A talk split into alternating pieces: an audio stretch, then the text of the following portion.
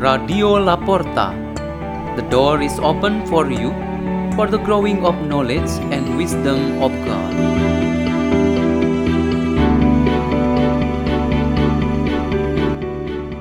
By Margareth Sembiring from St. Francis of Assisi Church, Singapore.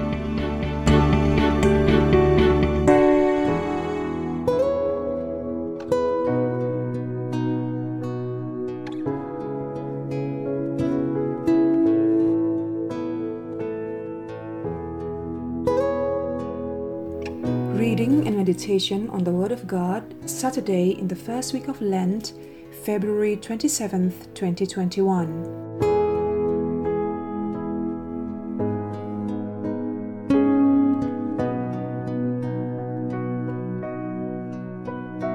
The reading is taken from the Holy Gospel according to Matthew.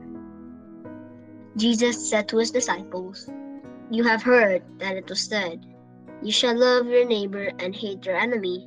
But I say to you, Love your enemies and pray for those who persecute you, that you may be children of your heavenly Father, for he makes his sun rise on the bad and the good, and causes rain to fall on the just and the unjust. For if you love those who love you, what recompense will you have? Do not the tax collectors do the same? And if you greet your brother and sisters only, what is unusual about that? Do not the pagans do the same? So be perfect, just as your heavenly Father is perfect. The Gospel of the Lord.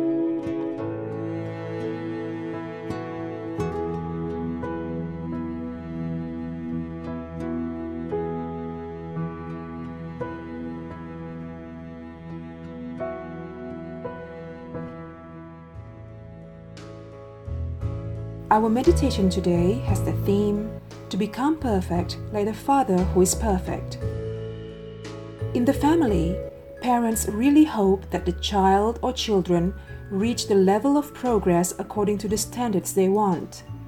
If a father or mother targets a high grade in school and their children can achieve it, or even go beyond it, the parent's goal is achieved. So the perfect parents really want their child or children to be as perfect as they are. But not all families experience this situation. There are children who cannot meet their parents' expectations.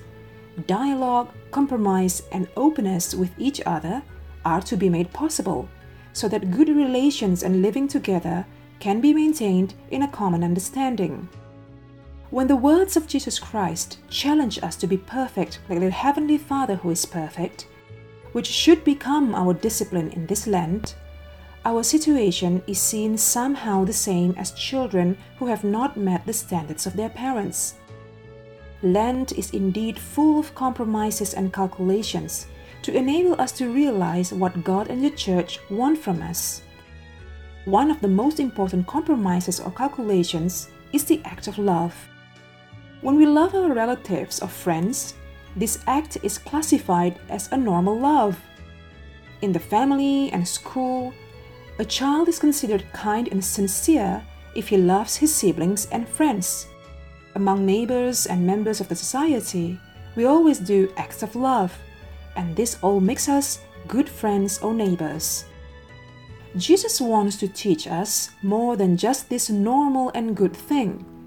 Although this is a teaching for all times, the discipline of Lent encourages us to do more than what is normal or ordinary. It is about to love, to pray, to help, and to forgive those who have done us wrong. They might have been deliberately jealous, angry, and hateful to us. This kind of love will make us greater and can increase our standard as the followers of Christ from the level of just good and normal believers. Through ordinary good works, we need to add something more that is, to love our enemies.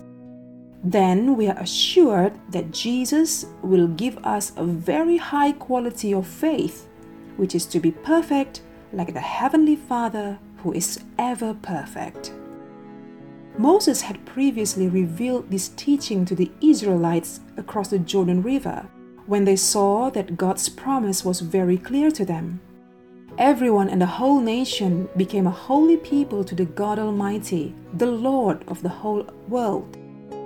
Perfection, like the Heavenly Father, as taught by Moses, demanded the people of God to obey God's commandments with all their hearts and souls.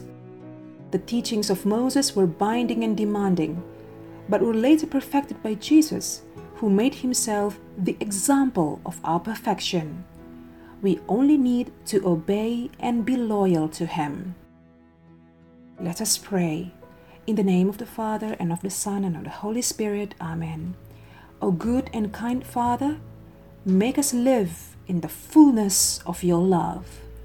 Glory be to the Father, and to the Son, and to the Holy Spirit, as it was in the beginning, is now, and ever shall be, world without end. Amen. In the name of the Father, and of the Son, and of the Holy Spirit. Amen. Radio La Porta. The door is open for you.